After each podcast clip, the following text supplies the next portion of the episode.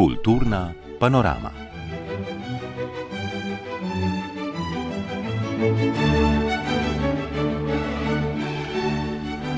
Spoštovane poslušalke, cenjeni poslušalci, v drugi oktobrski oddaji smo pripravili tedenski pregled pomenov in dogodkov, na katere bi vas radi upozorili. Pripravljamo ga v uredništvu za kulturo tretjega programa, programar s Radia Slovenija, skupaj z uredništvom za resno glasbo.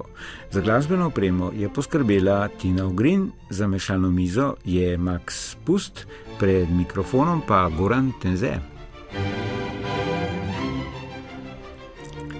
Abdul Razak Gurna, pisatelj iz Tanzanije, je letošnji Nobelov nagrajenec za literaturo in predstavitev bo tudi uvodna tema tedenskega pregleda.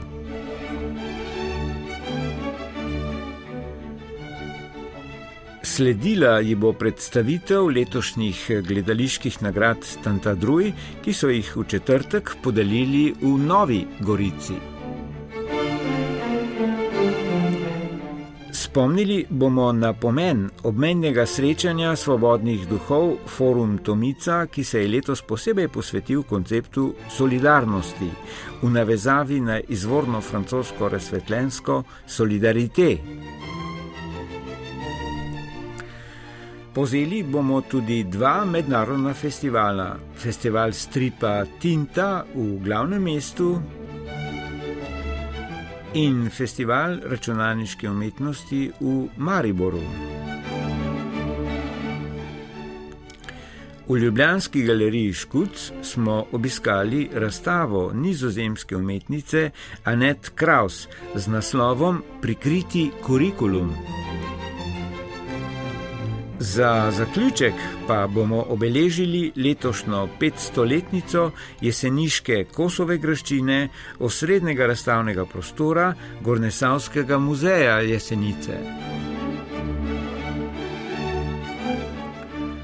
Kot vemo že od četrtka, je letošnji prejemnik Nobelove nagrade za književnost tanzanijski pisatelj Abdul Razak Gurna. Švedsko akademijo je prepričal, kot so zapisali, s svojim brezkompromisnim in sočutnim poglabljanjem v posledice kolonializma in usode beguncov v prepadu med kulturami in celinami. Več o novem Nobelovcu pa v prispevku, ki ga je pripravila Staša Grahek, prevode pa bo bral Miha Zor. Leta 1948 rojeni Abdul Razak Gurna je prišel v Veliko Britanijo pri 18. kot begunec po nasilni vstaji leta 1964 na Zanzibarju, ker sta njegovo otroštvo zaznamovala državni terorizem in preganjanje manjšine arabskega izvora, ki je musliman Gurna pripadal. Pisati je začel pri 21 in čeprav je njegov materni jezik svahili, je orodje njegove literature postala angleščina. Med literarnimi vplivi omenja Šekspirja in Najpola. Anders Olson, predsednik Nobelovega odbora, je v temeljitvi tudi povedal. His early departure explains the central role of exile in all of his work. Njegov zgodni odhod pojasnjuje osrednjo vlogo, ki jo ima eksil v vseh njegovih delih, pa tudi pomankanje nostalgije za primitivnejšo predkolonialno Afriko. Njegovo delo je živa in zelo natančna slika druge Afrike, ki mnogim bravcem ni tako znana. Obalno področje ob Indijskem oceanu, ki so ga zaznamovali suženstvo, spreminjajoče se oblike represije, različni režimi in kolonialne sile portugalska, indijska, arabska, nemška, britanska. Zanzibar je bil kozmopolitski že davno pred globalizacijo.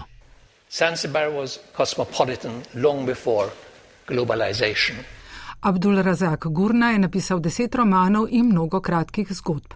Velja za enega osrednjih avtorjev postkolonialne književnosti. Gurna's gaze is disillusioned and often austere. Gurnov pogled je razočaran in pogosto strok, ter se dosledno izmika našim pričakovanjem enostavnih rešitev.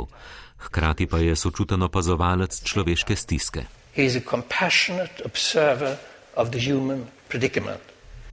To potrjuje tudi pisateljeva izjava takoj po razglasitvi nagrade. Priznal je, da je ni pričakoval, na to pa povsem zbrano povedal, zakaj je po njegovem mnogim v Evropi tako težko sprejeti priseljevanje ljudi, predvsem iz Afrike. Mislim, da gre pri tem za nekakšno skopost. kot da bi bilo premalo vsega za vse. Ti ljudje, ki prihajajo, prihajajo iz potrebe, pa tudi zato, ker imajo kaj dati. Ne prihajajo praznih rok. Mnogi med njimi so nadarjeni, podjetni ljudje, ki lahko nekaj prispevajo. Morda je drugače razmišljati o tem, ne pa, da gre za sprejemanje ljudi, ki so samo obubožani ničeti.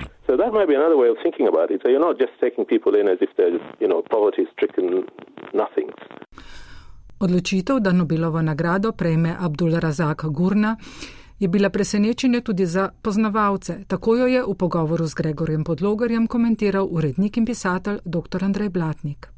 Vsekakor sem sam nekako pričakoval in še bolj upal, da bo šla nagrada morda po daljšem času v Afriko. Na tihem sem si želel, da bi jo dobil kenijski pisatelj Gugi Vatongo, ki je pisanje v angleščini zamenjal za pisanje v manjšem jeziku, jeziku Kikuju, ki ga govori slabih 7 milijonov ljudi.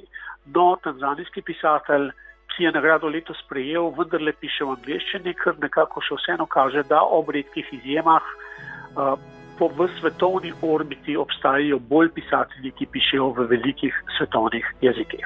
V slovenščini imamo za zdaj le nekaj krajših gurnovih besedil, tudi v radijskem arhivu. Morda pa bomo že kmalo lahko brali tudi katerega od njegovih romanov.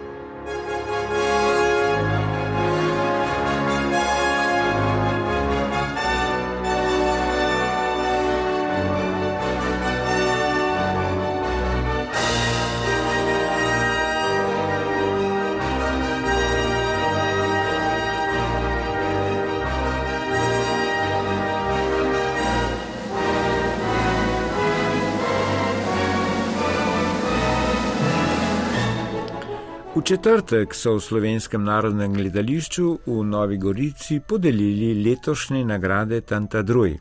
Pred enajstimi leti so se tri primorska gledališča, Novogoriško, Kopersko in Tržaško, odločila, da gledališke dosežke iztrgajo minljivosti.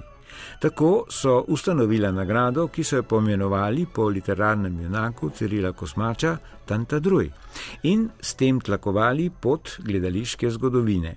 Letošnje nagrajence predstavlja Ingrid Kašca Bucik. Vsako leto podelijo štiri nagrade Tantadruj za življensko delo, za igralsko stvaritev, za predstavo v celoti in gledališki dosežek. Letošnji nagrajenec za življensko delo je upokojeni prvak Slovenskega narodnega gledališča Nova Gorica Ivo Barišič.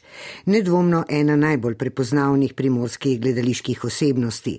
Kot je v obrazložitvi zapisala komisija, je Barišič v dolgoletni karieri s svojimi izvirnimi kreacijami in izrazito samo svojo prezenco plemenitil ne samo slovenski gledališki, pač pa tudi filmski prostor. Ustvaril je več kot 200 gledaliških vlog in za mnoge prejel priznanja.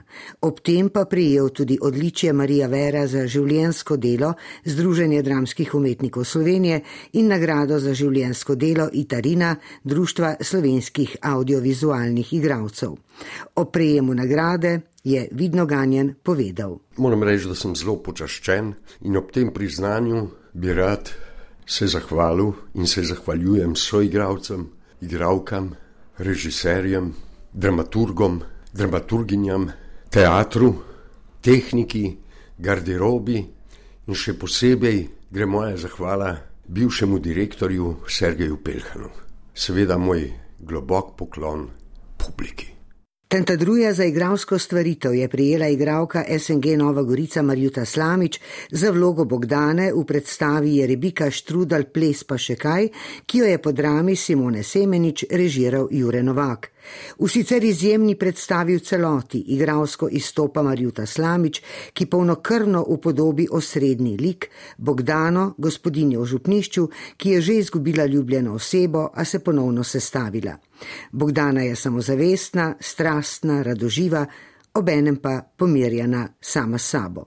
In kako je ona doživljala Bogdano? Zelo zanimiv proces je bil v bistvu zaradi tega, ker je to uh, v narečju, ki je moje in ker je to Simona, ki jo poznam že od vedno. In je pol bil proces mal drugačen. Na en način, pa tudi moja navezanost na to, kako se spustiti v to žensko, ker sem vedela, da drugače, kot se sam spustiti, pa videti, kam gre, pa kako me ona pelje, ne bo šlo drugače, kot sam tako. In sem se kar morala uh, zadržati, da nisem nekih svojih, nekih svojih hoten ali nekih svojih misli o vlogi, uh, ki so mentalne, da bi jih na to prelepljala. In sem morala kar pustiti, da je, da, da je zaplavala v tej kuhinji in med temi liki.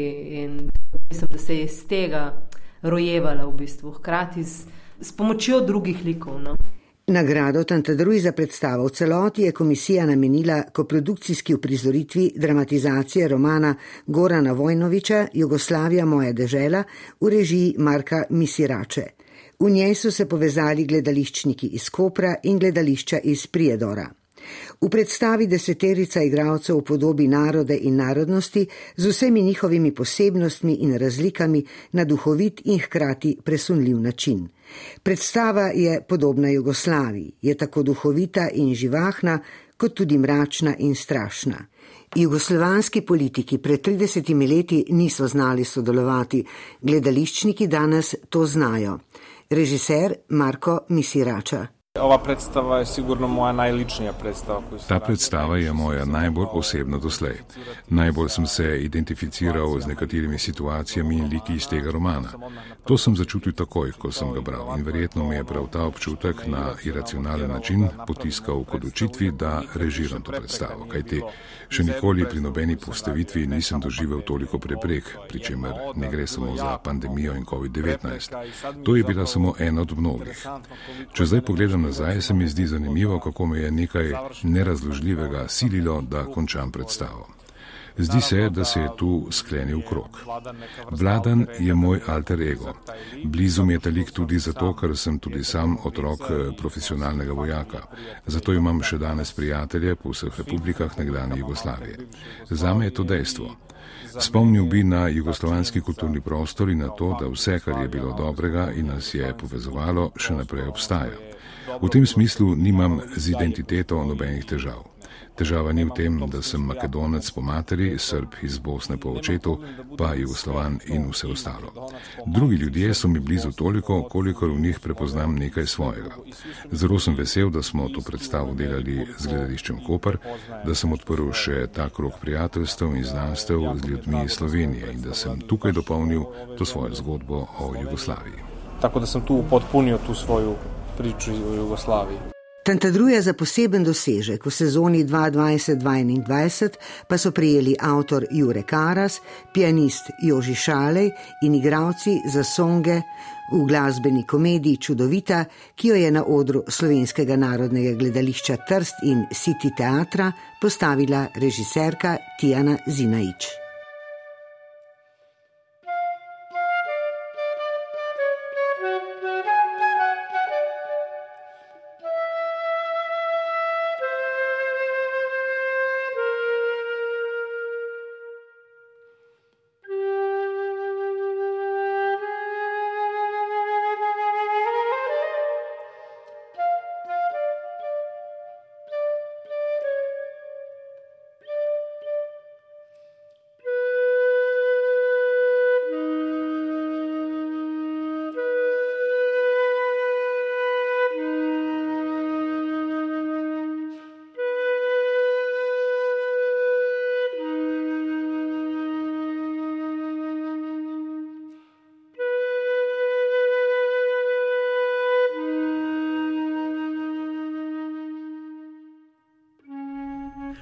Forum Tomica, mednarodna prireditev, ki povezuje Trst, Koper in Umak, je tokrat na mesto pomladi izbral varnejšo jesen. V Kopru je bil v spredju simpozij na letošnjo temo Solidarnost, srečanje pa so zaključili včeraj v petek. V Umagu s podelitvijo nagrade za kratko zgodbo Lapis Histrije. Forum Tomica je spremljala Neva Zajc. Po letu in pol virtualnega druženja je forum Tomica poskrbel za srečanje v živo. Letos je potekala pod naslovom Solidarite, ki je bilo tudi izhodišna tema za razprave na simpoziju. Njegova koperska voditeljica Irina Urbič je o njenem izboru povedala. Solidarnost potrebna bolj kot kdajkoli in ne velikodušna pokroviteljska solidarnost, sistemska solidarnost, ki gradi demokratično državo. Solidarite v francoščini jeziku, ki smo ga izrinili iz svojih obnebi, kliče potem, da se spomnimo treh drugih besed. Gre seveda za slogan francoske revolucije za svobodo, enakost in bratstvo, ki so mu razpravljavci dodali še solidarnost. Uvodni govorec, antropolog dr. Aljoša Pužar, je med drugim povedal. Solidarnost možda je najsubtilnija, najnježnija, najnedodirljivija od vseh tih velikih političnih idej. Solidarnost je morda najbolj subtilna, nežna in nedotakljiva med velikimi političnimi idejami. V nekaterih oblikah je podobna empatiji. Pričakujemo jo v politiki, v ustanovah, kar je zanimivo, kajti solidarnost je zelo osebna in intimna, a si jo želimo kot sistemsko dejanje in logiko. Naše sanje o demokraciji, o demokraciji in Evropi narodov, različnosti in tako naprej, temelijo na upanju, da bo solidarnost energija in moč, ki bo tem ustanovam pomagala, da bodo boljše. Da bodo bolje. V svetu bodečih žic in pretepanj na mejah, v času, ko ljudje ne zaupajo oblasti, oblast pa ne zaupa svojim ljudem, je solidarnost potrebna kot kruh, kot zrak, še pravi Pužar. Bosanska pisateljica Ivana Bodrožič je opozorila, da je stalna raba besedam, kot so solidarnost, empatija in strpnost, vzela vsebino in smisel in bi jih zato morali na novo premisliti. Takole je povedala. Trebali bismo moći ići malo dublje od riječi. Morali bi se poglobiti v besede in konkretizirati v vsakodnevnem življenju, kaj nam ti pojmi pomenijo. Ko nenehno ponavljamo nekatere floskole in fraze, jim izničujemo vrednost. Morda je odgovor tudi književnost, ki se ukvarja z zgodbami posameznikov. Te lahko razumemo, saj niso abstraktne, se z njimi poistovetimo. Govorijo tudi o življenju tistih, ki so solidarni. V končnici život izgleda i onih koji se žele s njim ili s njom solidarizirati. Tudi empatija in strpnost sta pogosto izrabljeni besedi pravi Bodrožičeva trendovski znotraj Evropske unije, ki sicer ima dobre namere z vključevanjem in človekovimi pravicami, a so pojmi ohranili le projektno vrednost. Optimistični nastop rimskega profesorja Joela Valifuoka je prinesel razmislek o pomenu šole, ki naj bi te pojme vnesla v program državljanske vzgoje.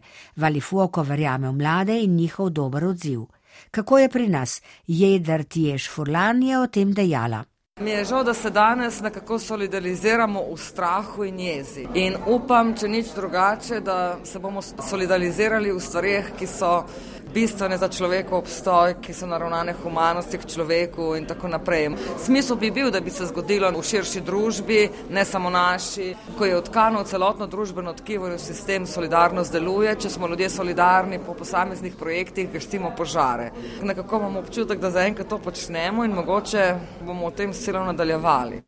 V Kopru so v okviru foruma predstavili tudi nov slovenski prevod romana Fulvija Tomice Akacijev gost, išel je pri slovenski matici. Prevajalec Primoš Sturman je v tem delu, napisanem v 60-ih letih, povedal.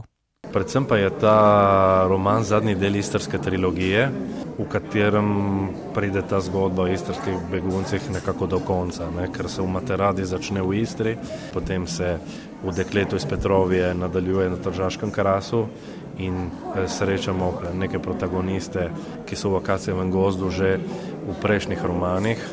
Konkretno je tukaj ta Giordano Zubin, ki je protagonistov prijatelj in na posestvo katerega se potem celotna družina zateče in tam umre neki ostareli moški, ki si je zaželel pač, ker ni mogel umreti doma na istrski zemlji, se pač to zgodilo na, na neki nadomestni zemlji. V Magu pa so razglasili dobitnika nagrade Lapis Histrije, letos je to Bojan Krivokapič iz Novega Sada. Predstavili so tudi izbor najboljših zgodb letošnjega natečaja.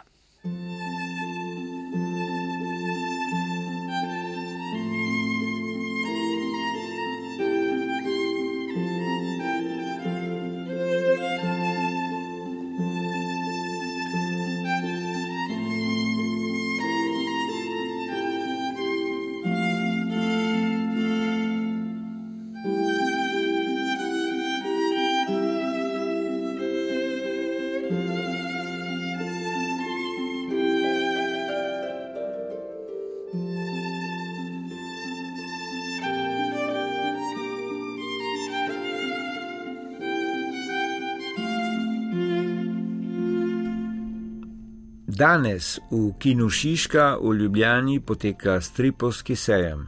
Delavnice, pogovori z domačimi in tujimi ustvarjalci, predstavitve svežih izdaj in prodaja rabljenih klasikov. Zvečer pa je na vrsti še podelitev nagrad za najboljše izvedne in prevodne stripovske izdaje Zlati repec. Vse to je del večje celote mednarodnega festivala stripa Tinta, ki se sicer konča jutri v nedeljo, razstave v ljubljanskih galerijah pa bodo ostale še nekaj časa na ogled. V središču sta letos dva stripovska virtuoza. Francos Emmanuel Guibert in eh, američan Peter Cooper. Z njima se je ob tej priložnosti pogovarjal Žiga Bratoš. Čeprav je pri nas za strip če dalje manj prostora v časnikih, si utira nove poti, ki jih že nekaj let jeseni pomaga usmerjati tudi mednarodni festival Tinta. Letos je v ospredje postavil mojstra francoskega novega vala, ki se pri delu za odrasle navdihuje v zgodbah prijateljev, ter američana, ki ilustracijo prodorno izrablja za aktualno kritiko v revijah The New Yorker in Mad. Petra Kupra smo zato najprej vprašali o pomenu stripa zan. So, comics to me have always been really one of the most powerful art forms. Strip je bil zame od vedno ena najmočnejših umetnosti. Z njim lahko počneš tako rekoč karkoli. Dovoliti ironijo, humor, hkrati si lahko smrtno resen. In s stripom lahko še toliko bolj dregnemo tiste odločevalce, politike, ki ravno humor težko prenesejo. Seveda je vse teže najti mesta za njim in imam srečo, da meni to uspeva, da si lahko privoščim družbeno-politični komentar. Velja pa, da se mora avtor za strip nenehno boriti za njim in za to, da z njim zasluži. A prednost je, da lahko dan danes objavljamo na spletu in tako dosežemo občinstvo, namesto da bi naše ideje končale v predalu. Uh, Peter Cooper je znan po tem, da v strip mojstersko pretaplja književne klasike. Med drugim se je na sodoben način spopadal z arhajično kritiko kolonializmu v kontroverznem romanu Josefa Konrada Srce teme, po katerem je bil navdahnjen znameniti hollywoodski film Apokalipsa zdaj.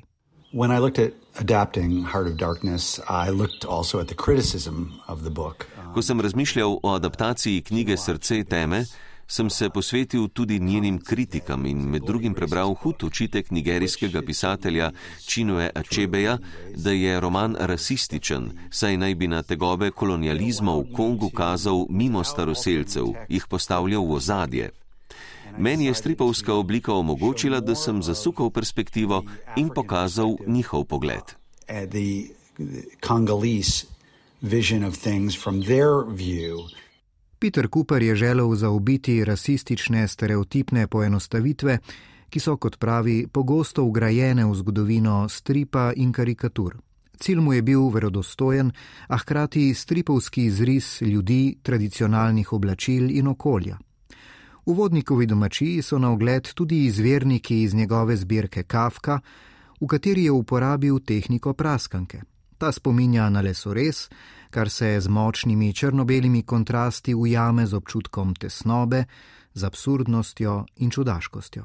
So I had a friend who loved reading Kafka aloud over beers. And Imel sem prijatelja, ki je, medtem ko smo pili pivo, rad na glas bral kafko. Ob zgodbah smo se zelo smejali, na tak način je namreč iz njegove črnine izstopil humor. In to mi je tudi dalo misliti, da bi se kafkova besedila dala odlično umestiti v strip postala so moje sidrišče za eksperimentiranje s pripovedovanjem in privoščil sem si veliko več kot v svojih lastnih stripovskih zgodbah. Franca Kafko se res da lepo preobraziti v sodobno vizijo. Upam, da se bo tisti, ki bo videl moj strip, vrnil tudi k izvirnikom in tako poleg mojega pogleda dodal še svojega. Lepota tega pisatelja je, da njegova dela prestanejo test časa v tem našem zelo kafkovskem svetu. Stories stand the test of time in this highly Kafkaesque world we live in. Na razstavi preobrazbe najdemo tudi domače predelave književnosti v stripovsko obliko. Andrej Štular tako v posem novi knjigi Ostri ritmi vstopa v srečka Kosovela. In sicer gre za nek princip nekih najdenih predmetov oziroma nekih, nekih montaž, fotomontaž, risb, osnutkov iz skicirk, skratka en tak eh, nenavaden kulaš vsega skupaj, ki pa v bistvu zelo težko upisljiv. No. Dokler ga ne vidiš, je kar tak izmuzljiv projekt. Ne gre za strip, ne gre za neko fotomonografijo, tako da v bistvu smo pa rekli, da je to nekak interpretacija Kosovelovih del na, na moj način. No. Drugo tuje veliko ime letošnjega festivala Tinta pa je Emanuel Giber. Poznamo ga po Ariolu, modremu sličku z velikimi očali in dolgimi ušesi. Zdaj bomo v prevodu dobili še Sardino v vesolju. Posvetili so mu razstavo Narisano življenje v galeriji Ekurna. Za začetek nam je povedal o pogoju za strip v Franciji. We have a rather good situation in France. Pri nas je situacija kar dobra, seveda ob dejstvu, da imamo veliko scenaristov in umetnikov in za nekatere je z materialne plati prodiranje na trgu kar zahtevno. Sicer pa je okolje stimulativno. Imamo založbe, knjigarne, knjižnice in občinstvo. In imamo zgodovino, tradicijo stripa. Zato je morda pri nas lažje ustvarjati kot kje druge po svetu.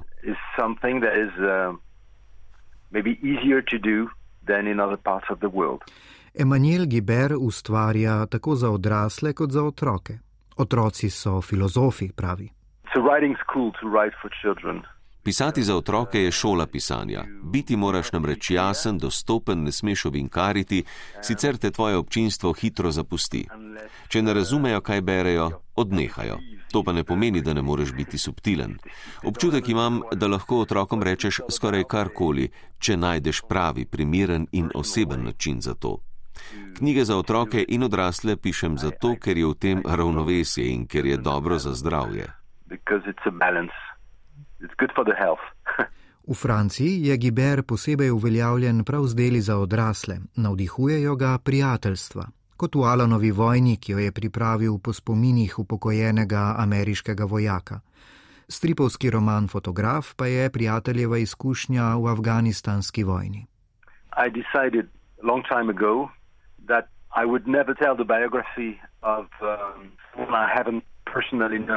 Že dolgo tega sem se odločil, da ne bom ustvaril biografije nekoga, ki ga osebno ne poznam. Tako med mojimi ne boste našli dela o Juliju Cezarju, na primer. Najprej se s človekom spoznava, na to se ceniva, potem pride spontana želja, da skupaj preživiva čas, ta pa vodi v zgodbe. Če opazim, da prijatelj ne namerava svoje zanimive pripovedi sam objaviti, se ponudim jaz, s tem jo oživim. Pisanje postane alibi za druženje, ki ga je zato vse več in več. Knjiga pa je nekakšen naraven sadež tega prijateljstva. Sort of of this, uh, of this V galeriji Kresija pa si med drugim lahko ogledate zabavno stripovsko igro na račun Giberjevega lika Ariola, ki so si jo privoščili naši domači risari s hudomušnim imenom Zlati osli. Sicer pa je med tujimi gosti Tinte letos še majhna berlinska umetniška, družbeno in izobraževalno angažirana založba z imenom Kolorama. V dobro vago vas vabijo na ogled njihovega celotnega kataloga, ki vključuje več kot 70 izdaj, eksperimentalne stripe in vizualne pripovedi številnih umetnikov in umetnic.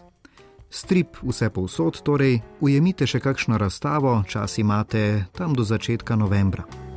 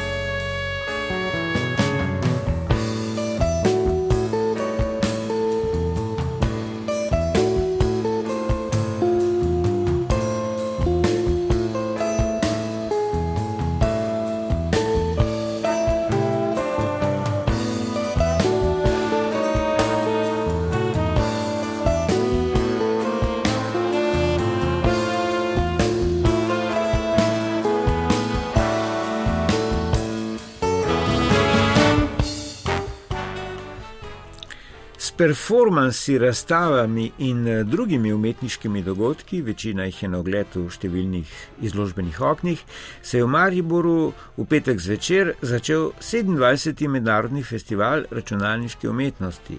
Festival z dolgoletno in uspešno tradicijo, tokrat z različnimi dogodki, ponuja premislek o transhumanizmu v sodobnem svetu, ustvarjalci po svojih računalniško-umetniških delih preizprašujejo, vlogo tehnologije in pomen stroja v razvoju človeka. Festival se letos povezuje tudi z društvom Nagib, ki prav tako v izložbenih oknih na ulicah Maribora občinstvu ponuja plesno-gibalne performanse s premisleki o telesu in vlogi človeka v vse bolj razčlovečeni družbi. Brigita Mohorič. 27. festival računalniške umetnosti v Mariboru je začel 24 ur trajajoči performance v izložbi nekdanje trgovine Modna hiša v središču mesta. Tokrat so oblikuje festivalski program tudi Društvo Nagib, ki bo v sodelovanju z lokalnimi ustvarjalkami in ustvarjalci v desetih izložbenih oknih po mestu mimo dočim predstavljalo plesno gibalne predstave. Te kritično upozarjajo na aktualno dogajanje v naši družbi, zaznamovano z epidemijo, porajanjem nestrpnosti, naraščanjem nasilja in nedostojno javno komunikacijo. Aktualne razmere v družbi tematizira tudi otvoritveni performance, pojasnjuje vodja nagiba Petra Hazbent. Gre pravzaprav za dve mladi umetnici, ki se ukvarjata pravzaprav z odnosom do svoje države. Naslov je pravzaprav Rada imam Slovenijo, Slovenija ima rada mene, ki je pravzaprav po Bojsovi um, zelo znanem performansu I love America, America loves me. Razlika je tudi v tem, da se pravzaprav oni dve soočata z kokoškami. Uh, torej, nek simbol Slovenije, um, žival, ki na nek način simbolizira državo. Tako da tu gre v bistvu za to tematiko. Festival z dolgoletno uspešno tradicijo, povezan z mednarodnimi ustanovami, umetniki in znanstveniki, vse čas preizprašuje vlogo sodobne tehnologije, računalništva v družbi in povezanosti z znanostjo in umetnostjo, pojasnjuje pomen festivala eden od njegovih programskih vodij Miha Horvat. Se pravi, če so festivali v svojih prvih edicijah predstavljali nekaj, kar še ni bilo del naših življenj, dan danes eh, živimo eh, pametna mesta, pametna stanovanja, v žepih imamo eh, pametne naprave in seveda umetniki in umetniški projekti in umetnice so vedno skozi samo umetniško razmišljanje in skozi same umetniško raziskovalne projekte premišljevali to tehnologijo in premišljevali njeno uporabo in njeno prisotnost. In to je v bistvu tisto, kar festival počenja eh, in dela še tudi letos. Osrednji gost festivala je slikar, grafik in nekdani univerzitetni predavatelj Vojko Pogačar, ki se v razstavišču veterinskega dvora predstavlja s pregledno razstavo z naslovom Navdihi za spremembe. Na njej so na ogled njegova pionirska dela in raziskovalni projekti nastali pred štirimi, celo petimi desetletji, ki so del avtorjevega obsežnega opusa z področja oblikovanja, raziskovanja na področju medicine in elektronike in povezovanja umetnosti in sodobnih digitalnih znanj. To so artefakti, ne, ki so v bistvu razkovalnega značaja, ki jih takrat nisem hotel razstavljati, tudi zaradi etičnih razlogov. Recimo, če bi rekel, Ljubljanske vsadke, ki smo delali, to so bili konkretni ljudje, ki smo jim to delali in zaradi tega smo se pač takrat zdržali. Čeprav sam postopek je pa v bistvu neko raziskovanje, je glih tako kot znanstveno, umetniško, to je zelo neločljivo povezano. Svoje več desetletno raziskovanje barov Pogačar predstavlja z razstavo velikih grafik v podhodu v središču mesta. Vizualna in intermedijska umetnica Maja Smrekar pa na Dravskem mostu razstavlja podobo pošast, ki spodbuja k premisleku o obstoju človeškega in nečloveškega. Švicarski raziskovalec in umetnik Mark Dizier sodeluje na festivalu računalniške umetnosti že drugič. Pod okriljem platforme za sodobno raziskovalno umetnost Konst zdaj že več tednov pripravlja projekt Temporalni avtonomni laboratorij ki ga uresničujejo v sodelovanju z več tujimi znanstvenimi, tehnološkimi in umetniškimi institucijami in katerega namen je uporabnikom, manjšim kmetom, približati strojno opremo, da bi si lahko ti sami v 3D tehniki stiskali opremo in tako samostojno upravljali manj zahtevne analize in teste, ki jih sicer zanje upravljajo večje institucije. Skušali bomo izkoristiti priložnost, ki jo ponuja festival v Mariboru in se povezali s tukašnjimi kmeti in drugimi, ki delujejo v kmetijstvu in predstavili naš laboratorij in opremo in izkušali navdušiti za uporabo sodobne strojne opreme, pravi Dizje, navdušen ob mednarodnih stikih, ki jih festival krepi. Festivalska ponudba, letos umeščena v izložbena okna in javni prostor, da je obiskovalcem lažje dostopna, prinaša pomembna sporočila, pove programska vodja Aleksandra Saška Gruden. Mislim, da je osnovno sporočilo to, da tehnologija je naš prijatelj, nam lahko prinese veliko odprtega prostora, informacij, eh, komunikacijskih poti, eh, na drugi strani pa je potrebno eh, zelo previdno uporabljati, vsaj v tem načinu, da ne postane nekaj, od, če, od česar smo mi odvisni in da ne postane nekaj, kar je naša nuja, ampak je samo obogatitev našega življenja in neka nadgradnja. Festival računalniške umetnosti bo nagovarjal občinstvo z različnimi dogodki vse do 22. oktobra. V izložbenih oknih pa se bodo vsak dan vrstili tudi družbeno kritični performansi Društva Nagib.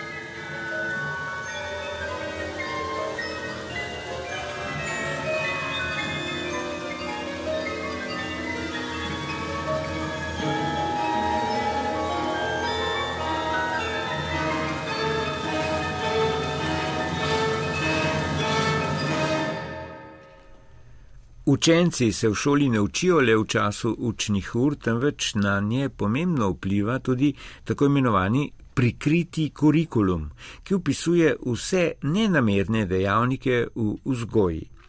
Ti segajo od ustaljenih, nenapisanih pravil in navad do organizacije prostora in arhitekture. Kdaj, kako in koga izobraževanje emancipira in kdaj, kako in koga zatira, se sprašuje nizozemska umetnica, pedagoginja in piska Anet Kraus na razstavi Prikriti kurikulum v Ljubljanski galeriji Škuc. O tem pa več Iza Pevec. Ko se je Ned Kraus srečala s terminom prikriti kurikulum in se v njem izobraževala, je pri tem pogrešala glas učencev, zato že od leta 2007 vstopa v šolsko okolje in sodeluje z mladimi na večmesečnih delavnicah, na katerih nastanejo dela, s katerimi učenci predstavijo svoj pogled na prikriti kurikulum pogosto izhajajo iz arhitekture in fizičnega okolja, je povedala umetnica in izpostavila delo ene od učenk.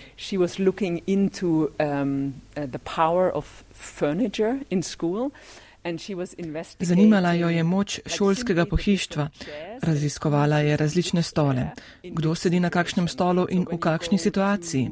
Učenci sedijo na preprostih, nepremičnih stolih, ko pa greš naprimer v ravnateljevo pisarno, ta sedi na pisarniškem stolu s koleščki. Naredila je drobno intervencijo, učitelja je prosila za sestanek v kabinetu, še predtem pa je zamenjala stole. Zanimivo, številnim ostalim učencem se to ni zdelo pomembno. Stole so razumeli kot zgolj malenkost. Tako se je razvila neverjetna debata o naši povezanosti z vsakdanjim okoljem in o tem, kako objekti odsevajo razmerja moči. Še en pomemben povdarek so taktike, s katerimi si mladi lajšajo šolsko življenje. Nekatere med njimi za gledalce ostanejo skrivnost, a so jih učenke in učenci pripravljeni posredovati skupini, ki bo z umetnico ustvarjala naslednjič. Vsaki skupini namreč pokaže delo prejšnjih skupin, tako pa se odpirajo tudi pogovori o originalnosti in izvirnosti umetnosti. Spopadanje s šolskimi izzivi je tudi v spredju najnovejših del na razstavi. Slovenski dijaki in dijakinje so namreč sodelovanju ustvarili pesmi izgovorov. Hitro smo se odločili, da bomo delali na temi izgovorov in predvsej so imeli zapovedati o povezavi med izgovori, ki jih uporabljajo sami ali pa njihovi kolegi in učitelji, in pa normami, standardi, pravili. Vsaka skupina je izbrala določeno temo. Ena se je ukvarjala z izgovori povezanimi z oblekami, druga s točnostjo in tretja z domačimi nalogami. Del ene od pesmi gre takole. Pes mi jo je pojedel, mačka mi jo je pojedla, nosorog mi jo je pojedel. Pesmi pa so natisnjene na tekstil, ki visi v prostoru in nakazuje na prozornost in nestabilnost izgovorov. Razstava v galeriji Škuc je sicer zasnovana kot arhiv, v katerem spoznamo izvede projekta v več zahodnoevropskih državah. Nastalih del umetnica doslej še ni razstavila v tej obliki, temveč vedno ob delavnicah. Kaj razmišlja ob pogledu nazaj? When, uh, um, whole, um, series, like Ko gledam nazaj na celotno serijo, sem se naučila predvsem, koliko moči je v performativnem pristopu in telesnem raziskovanju vsakodnevnega prostora, bodi si šole ali drugih javnih prostorov. Ena od skupin se je denimo spraševala, zakaj hodimo prav po določenem delu hodnika. Raziskovali so, kako večinoma hodijo in skušali to spremeniti in hoditi recimo tik ob steni. Pogosto razmišljamo tudi o jeziku in iščemo različne izraze za skrito in kurikulum. To je pripeljalo do tega, da učenci sami pomenujejo svoje delo. Eden od primerov je bil denimo študije pod krinko. Poimenovanje je ključno. Tu vidim, kako projekt postaja zares njihov start to own their part of the project. Vesela je tudi, da projekt predstavlja prav v okviru festivala Mesto žensk. I'm always thinking about like how the hidden curriculum archive can appear in public. Vedno razmišljam o tem, kakšno obliko lahko arhiv o prikritem kurikulumu zauzame v javnem prostoru. In ko so me povabili k sodelovanju na festivalu Mesto žensk, se mi je to zdelo odlično, saj se vzpostavljajo različne asociacije, ki usmerjajo v druge potencijalne pomembne debate. Prav vprašanje, kakšen šolski sistem si želimo, je sicer letos eden od osrednjih premislekov festivala Mesto žensk, ki želi med drugim ohraniti kolektivni spomin na dosežke žensk in krepiti družbene vezi skupnostno naravnanimi umetniškimi projekti. Del festivala so tudi premjere različnih predstav. Ponedeljkov performance Simone Semenič Mečarovnice se posveča skupinskemu raziskovanju ženskega in zaključuje njeno trilogijo besednih solo performansov. Obsežen program festivala je sicer razdeljen na tri tematske sklope.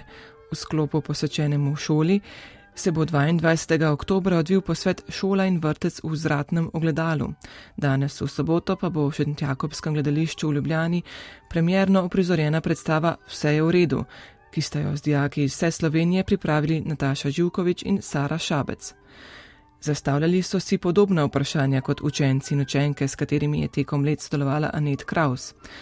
Kaj nas uči onkraj zapisanih ciljev, kaj se dogaja na hodnikih med odmorom, kaj nam v šoli tako zelo zleze pod kožo, da postane samoumevno, katere vrednote spodbuja šola in katere naj bi spodbujala, kakšno šolo si sploh želimo in katere spremembe so v naši moči. Thank you.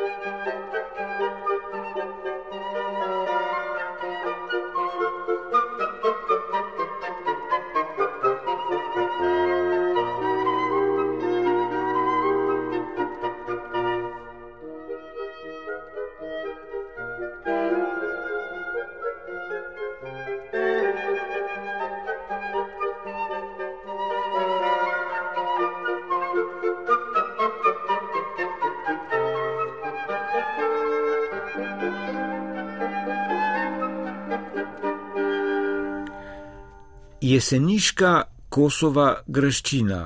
Osrednje razstavišče Gornesavskega muzeja Jesenice letos praznuje 500 let. Ob tej častitljivi obletnici so se v Gornesavskem muzeju odločili, da jo skušajo kar najbolj približati domačinom. Zato so jim namenili oktobrske torke in četrtke in jih napolnili z različnimi vsebinami povezanimi z njeno bogato preteklostjo. Več pa romana Erjavac. Kosovo graščino je leta 1521 zgradil baron Sigmund Dietrichstein, zakupnik belopeške posesti. Nad balkonskimi vrati graščine, ki jo v virih omenjajo tudi kot stari belopeški grad, je še danes ohranjen tudi belopeški grb. V 18. stoletju so si lastništvo na to podajale različne plemiške rodbine, leta 1812 pa jo je kupil trgovec Frančišek Pavel Kos, pravi vršilka dožnosti direktorice Gornesavskega muzeja Irena Lačen Benedičič. 1821 obnovil v neorenesančnem slogu. No in od takrat je pravzaprav graščina služila kot en reprezentančni mm, primer stavbe. Zanimivo je morda to, na jesenicah smo imeli še pred stoletjem štiri fužinske graščine. Ena bila na Plavžu, na Javorniku, na Savi in pa seveda graščina na Murovi oziroma Kosova graščina. Res pa je, da od teh smo ugotovili, da Kosova graščina pravzaprav ni bila fužinska, ni bila v sklopu fužine, ampak je bila upravna. Kar ne na zadnje pravi kustos Aljaš Pogačnik, dokazuje tudi njena nadaljna usoda in vsebina. Potomci Kosa so hišo prodali najprej uh, kranski industrijski družbi uh, leta 1869, na to pa uh, jo je kranska industrijska družba prijazno po nekaj letih odstopila v občinski sreni, ki je v sami stavbi uredila seveda svoje prostore, potem mestno ječo, tukaj je bil tudi prvi vrtec, prva šola, vse do prve svetovne vojne. Potem um, najbolj žalostno usodo je pa hiša doživela v času druge svetovne vojne, ko so v, v Graščini Eh, bili eh, tudi preiskovalni zapori gestapa, nemške eh, tajne policije. Po drugi svetovni vojni pa so greščini namenili bolj očiščevalno vlogo, mogoče so tudi zaradi tega jo namenili kulturi, kateri služi še danes. In kot dodaja Irena Lačen Benedičic, se njenega pomena na jesenicah morda danes še premalo zavedajo. Zato jo želijo ob tej visoki obletnici še bolj približati tudi domačinom. Ja, želimo se namreč, da bi jo odprli javnosti, da bi vedeli o njej mimoidoči prebivalci mesta ali obiskovalci nekaj več. Oktobra tako ob četrtkih in torkih pripravljajo predavanja o graščini in predmetih povezanih z njo, pa tudi javna vodenja po njenih prostorih prostorih. Praktično popeljemo obiskovalce od prkličja pa do najvišjih nadstropij, pokažemo mu vse sobe, tudi tiste, ki ponavadi niso dostopne uh, obiskovalcem. Uh, predstavimo tudi zbirke, ki so trenutno uh, na voljo in pa seveda predstavimo tudi predmet tedna. Hišni kustosi smo vsak svojega področja predstavili po en predmet, ki ga bolj natančno predstavimo in povemo njegov pomen na splošno za samo uh, hišo. Ne. Je pa Kosova graščina, ki je dolga leta veljala za najstarejšo jeseniško stavbo, prav v zadnjem obdobju ta primat zdaj izgubila. Do nedavnega je bila najstarejši spomenik. Ko smo pa od, pričeli z obnovo Ruardove graščine, smo ugotovili, da je pa graščina na Stari Savi še nekaj let starejša. A nič ne de, dodaja Aljaš Pogačnik, to njenega pomena niti malo ne umaje. Trdna kot skala je Kosova graščina, dodaja, previharila pol tisočletja in pred njo je še bogata prihodnost. Prihodnost Kosovi grščini, ja, jaz se napovedujem še 500 let kajti eh, hiša je zelo um, trdoživa, izognila se je bombardiranju jesenic v času eh, druge svetovne vojne, celotna soseska okrog Kosove greščine je bila porušena, medtem ko sama hiša je preživela, ni zadela niti ena bomba, preživela je tudi vse potrese, tako da mislim, da bo naslednjih 500 let še vedno namenjena muzejski dejavnosti. In se bo v njej tudi v prihodnje, še dodaja Aljaš Pogačnik, zrcalila bogata prihodnja zgodovina jesenic.